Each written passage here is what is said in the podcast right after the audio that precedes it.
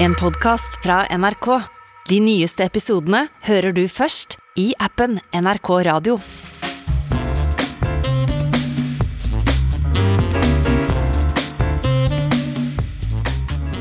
I dag starter det som nesten er blitt en folkesport på linje med vinteridrett her til lands, nemlig VM i sjakk. Mange benker seg framfor TV-en for å følge regjerende verdensmester Magnus Carlsen i forsøket hans på å forsvare tittelen. I år foregår mesterskapet i Dubai, og Magnus Carlsen møter allerede i dag sin største russiske utfordrer. Og her i studio har jeg fått besøk av to som kommer til å spille ei viktig rolle i formidlinga av dette oppgjøret. Så velkommen hit, Heidi Røneid og Torstein Bae. Takk. Denne veka så har arrestasjonen av to NRK-medarbeidere i Qatar minnet oss om det problematiske i å legge store mesterskap til autoritære stater. Og sjakkmesterskapene er lagt til Dubai, tidligere har den også vært i Saudi-Arabia. Er dette et diskusjonstema i, i sjakkværa, Torstein Bae? Absolutt at det er noe som kommer opp der som de gjør i fotballen og, og, andre sporter. Og så tror jeg ikke helt det kommer på spissen fordi man ikke har denne skarpe konkurransen om arrangørsteder. Og det er klart, når det bare er Dubai som melder seg, så er det, er det vanskelig å dra opp en, stor debatt. Men jeg tror nok svært mange hadde sett at det var i London og, og New York eller et annet sammenlignbart sted som vi har vært heldige med å ha VM de siste årene. Men hvorfor um er ikke det større konkurranse? Hvorfor står ikke f.eks. Eh, europeiske byer i kø for å arrangere et VM som dette? Nei, Det er et veldig godt spørsmål, og, og hvorfor er ikke Oslo med? Hvorfor klarer mm. ikke vi å melde oss på med vår egen verdensmester? Men eh, tidligere har det hatt å gjøre, tror jeg, med at, at lederskapet i Det internasjonale sjakkforbundet har vært problematisk, og derfor har man ikke ønsket å, å knytte seg opp mot det. Men så har det nok også å gjøre selvfølgelig med pengesekkene. Så man trenger en romslig pengesekk for å, å, stille med et premiefond som er på 20 millioner omtrent i, uh, i, årets VM. Så det er klart man kan reise det spørsmålet også. Er premiene for høye hvis det er eh, kun Dubai, Saudi-Arabia og, og, tilsvarende land som eh, er interessert i dette? Men en skulle jo tro at med den voldsomme interessen der her i Norge f.eks. rundt Magnus Carlsen, og dermed også sjakk-VM, at det var mulig å reise beløp som du nevner der? Ja, man skulle absolutt tro det, og jeg også er litt, eh, litt, spørrende til hvorfor det er det. Men det er klart, forbundet internasjonalt har også blitt kritisert for å ha uryddige prosesser, og at man egentlig ikke har noen profesjonell søknadsprosess, men at presidenten eh, internasjonalt plutselig annonserer at nå har vi funnet en arrangør, mm. og det ble Dubai. Og, og, det er klart også noe som er avskrekkende kanskje på mer seriøse aktører, at man ikke ønsker å være en del av en sånn prosess. Du har jo vært med i, i sjakkmiljøet og vært profilert i mange, mange år, Torstein Bae. Syns du det er problematisk med den type sportsvasking? Absolutt, det gjør jeg, og det viser seg jo at det er vanskelig å komme unna at det har eh, en viss positiv effekt for eh, arrangørlandet. Eh, og det er vel derfor eh, de også driver med dette her, om det er Formel 1 eller sjakk eller andre sporter. Så, så vi har bevissthet rundt dette selvfølgelig i vår redaksjon også, og, og eh, skal sørge for at dette ikke blir noen reklamefilm for Dubai. Ja, fordi at nå skal det i gang med sendingene, Heidi Røneid. Og hvordan forbereder en, en seg til sendinger med sjakk? Og det er jo eh, Vi blir jo alle bitt av en slags eh, sjakkbasill, så jeg vet jo at både Torstein eh, og jeg også har jo spilt ekstremt mye sjakk selv på nettet de siste ukene og månedene. Og så blir det jo ellers um, å sant, um, lese intervjuer, høre hvordan det var de store Altså både Magnus Carlsen og, og utfordreren Jane Pomlaci tenker. Prøve å finne små hint i det de sier, om det er eh, noen svakheter som vi kan eh, komme til å hente opp i, eller ja, ikke sant, og så se om det er noen måte vi kan forutse hvem som kommer til å gå seirende ut til slutt. Eh, du sier at dere har forberedt dere ved å spille sjakk. Dere må jo være de eneste sportskommentatorene som forbereder dere ved å gjøre det som dere skal kommentere? Ja, det, det, er sant. Det er jo ikke sikkert at håndballkommentatorene tar en runde på, på håndballbanen. Eh, men det er jo sånn med sjakk, for det er jo så lett tilgjengelig å mm. spille på apper og, og trenger jo bare et brett. Så eh, altså blir man jo, og det tror jeg nok mange som ser på også kjenner på, at når du leser om sjakk og tenker på sjakk, så har du jo veldig lyst til å spille sjakk også. Det kjenner i hvert fall jeg veldig på. Jeg har lest at du, Torstein Bae, har kost deg, som du sier, med å lese om gamle sjakkmeistere, og, og mellom annet eh, fanga jeg opp om en russer som fikk infeksjon i munnen under en VR-kamp og måtte trekke seks tenner under oppgjøret. Ja, han kom i en liten krise, Alexander Aljekin, i oppgjøret mot Capablanca. Det er nok et navn som mange kjenner. ikke sant? Capablanca, den geniale cubaneren. Eh, Aljekin lå godt an, fikk en krise, men så trakk han eh, disse seks tennene. Og dermed var alt eh, bedre, og gikk seirende ut av matchen.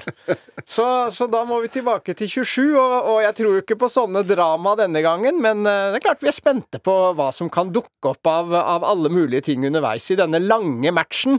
Det er jo nå utvidet så man spiller enda flere partier enn en tidligere. Til glede for alle sjakkentusiaster har vi nå 14 partier med lang tenketid, og deretter eventuelt et omspill hvis det skulle bli uavgjort. Men eh, alle de av oss, og det er vel nesten alle som har hatt eh, tannverk av og til, det må jo være vanvittig å holde konsentrasjonen når du, eh, når du, det står så ille til i munnen at du må trekke av seks tenner.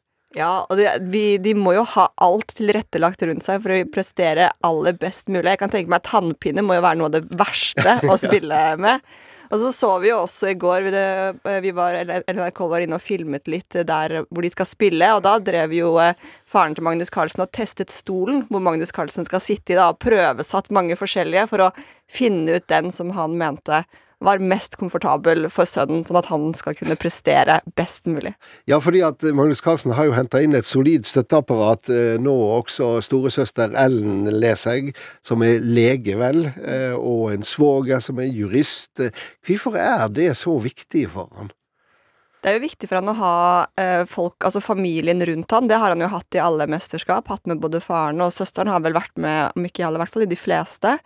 Um, og så må han jo også ha med et apparat rundt med leger, og han har jo med en kokk som har hvert fall hatt det før, da, som lager mat uh, til han, for å sørge for at han presterer på, på, best mulig nivå, og også klarer å slappe av litt mellom partiene, spille litt kort med, med familien og ja, tenke på noe annet. Mm.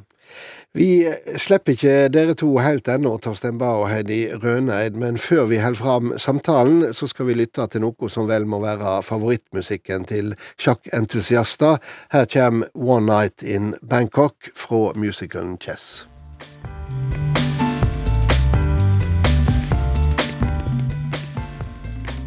Ja, jeg eh, sa at dette vel må være favorittmusikken til sjakkentusiaster, men, men, men stemmer det, eh, Heidi Rønneid? Det er jo en kjent og kjær eh, sang som vi har hørt uh, veldig mange ganger. Uh, så absolutt, jeg syns den passer veldig godt. Ja, det er litt sånn når den kommer på åpningsseremonien under sjakk-OL enda en gang, da, da er det klart at uh, Vi blir ikke direkte overrasket over at det da er den som velges ut, så Men det er en gammel slager da fra ABBA-gjengen da, og Chess Musicalen. Men er du lei av å høre den, hvis du skal være ærlig? Torstein? Jeg er kanskje litt lei, da, hvis jeg skal være helt ærlig her i studio hos deg. Så får jeg være litt ærlig på det, altså. For den, eh, den er ikke den mest spenstige lenger for meg.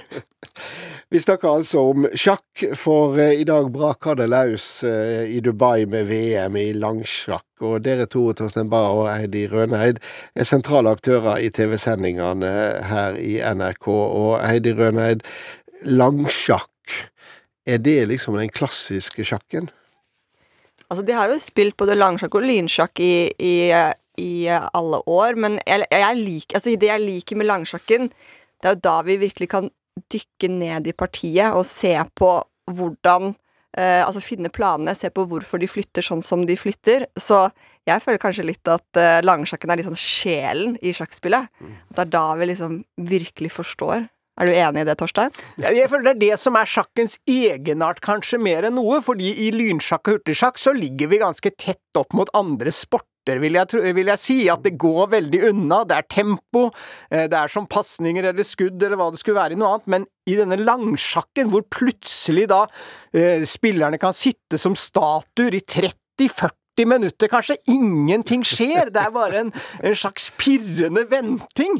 Det tror jeg ikke finnes i noen annen sport. At det er fullstendig stillstand i så lang tid. og derfor så, Det er litt fascinerende at det kunne, det kunne fenge det norske folk sånn, da, dette dramaet. Men vi har tiden som tikker ubønnhørlig nedover. Vi har alltid pila vi følger med på, og, og selvfølgelig vår store mester som jakter enda en triumf. Men det er jo et paradoks at noe som er så stillestående, er blitt en så stor eh, idrett. Og hva, hva, er det med sjakken, og da snakker jeg om langsjakken, som, som, som gjør det egna for TV-mediet? Jeg tror at eh, det er det at eh, vi som ser på, kan eh, være med i partiet. Vi kan tenke hva ville vi gjort hvis vi var i den stillingen. Og det ser vi jo på seerne som ser på, på sjakk på NRK også. De sender jo inn forslag til trekk som Magnus Carlsen kan gjøre mm. som neste. og den spenningen om at noe hele tiden kan skje. For vi vet jo ikke på forhånd at nå tar det 30 minutter før neste trekk kommer, eller nå tar det et halvt minutt. Så man sitter hele tiden og venter og kan også da få analysert av Torstein Bae sitt eget trekk og se. Og hvis da Magnus Carlsen ender opp med å gjøre akkurat det hestetrekket som eh, Arne fra Drammen har foreslått, så blir det jubel i både stua og studio. Jeg tror, jeg tror, denne ventingen er veldig fundamental, faktisk, og noe som vi før hadde, bl.a. I, i langrenn at man hadde venting, rett og slett. Når kommer Gjermund Eggen ut av skogen? Og det var en utrolig spenning i det bildet som lå der. Vi bare filmet grantrær og ventet på at han kommer, og klokka tikket.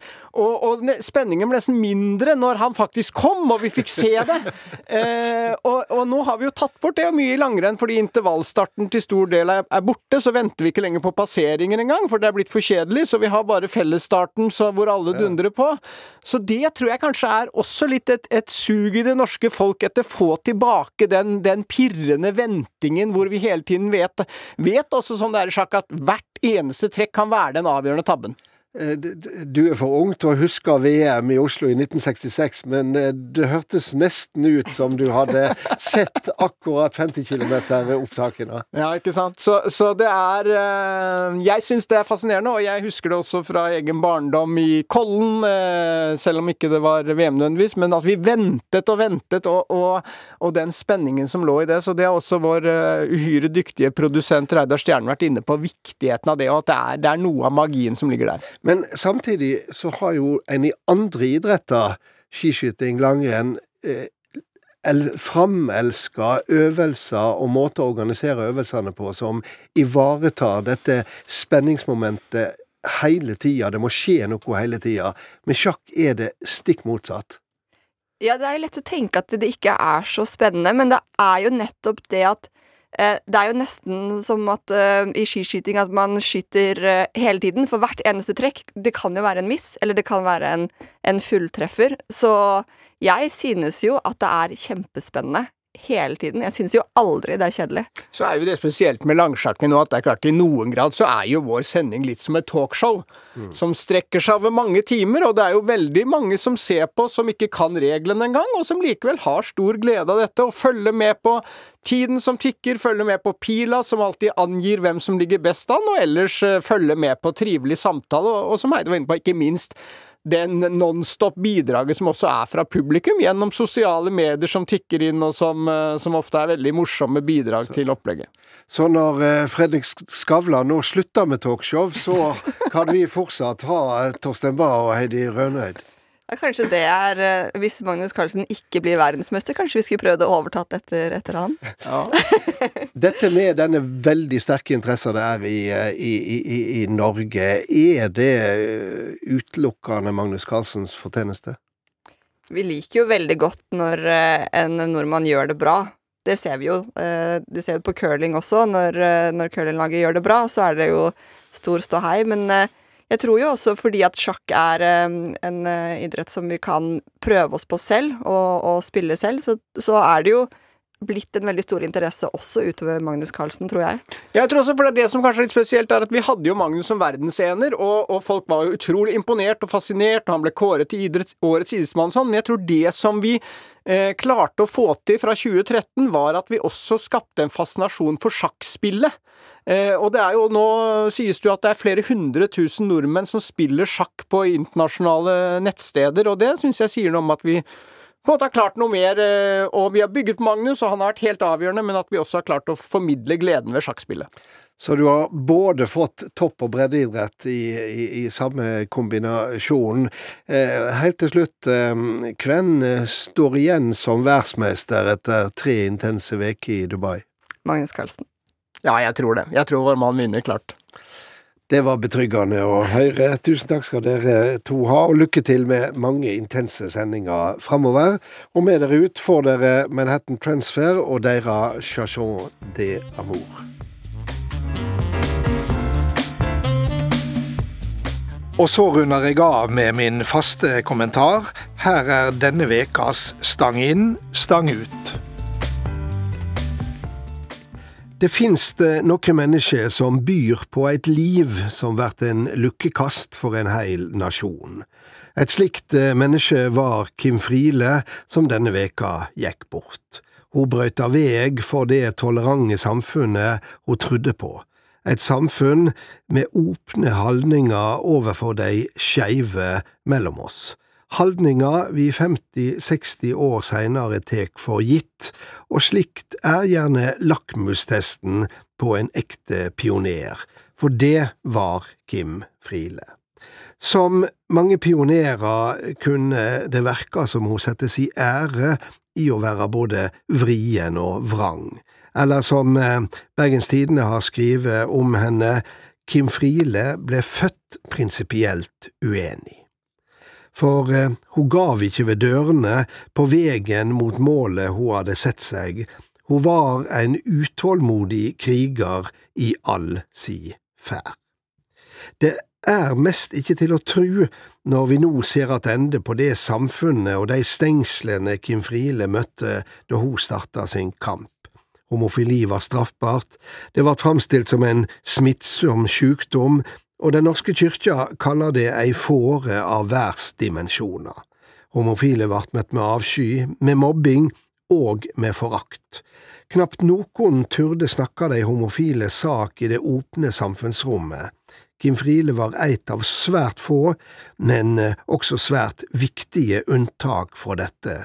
Slikt krev mot men eh, selv var hun ikke klar over at hun var modig, sier forfatteren Ola Henmo, som skrev biografien hennes. For, legger han til, for mot betinger frykt, og Kim Friele fryktet aldri noe som helst.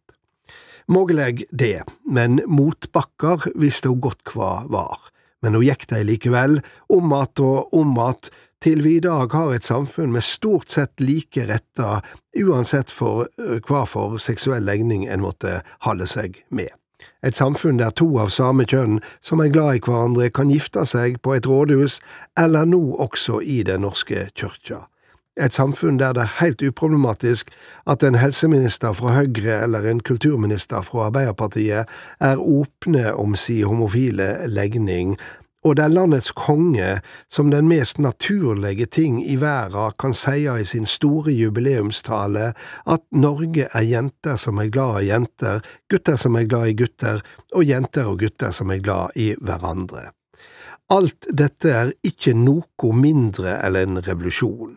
En vellukka revolusjon, en berikende revolusjon, og anføreren for den var Kim Friele og gjorde samfunnet vårt åpnere, rikere og mer tolerant, og hun gjorde vegen til kjærleiken lettere for mange, mange mennesker.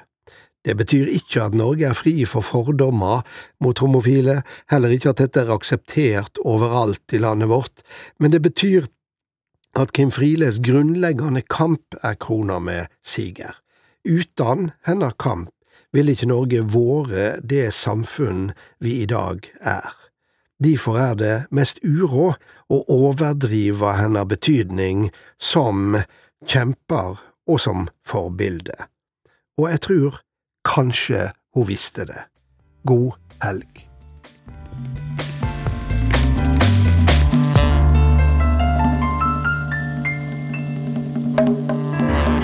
Du har hørt en podkast fra NRK. De nyeste episodene hører du først i appen NRK Radio.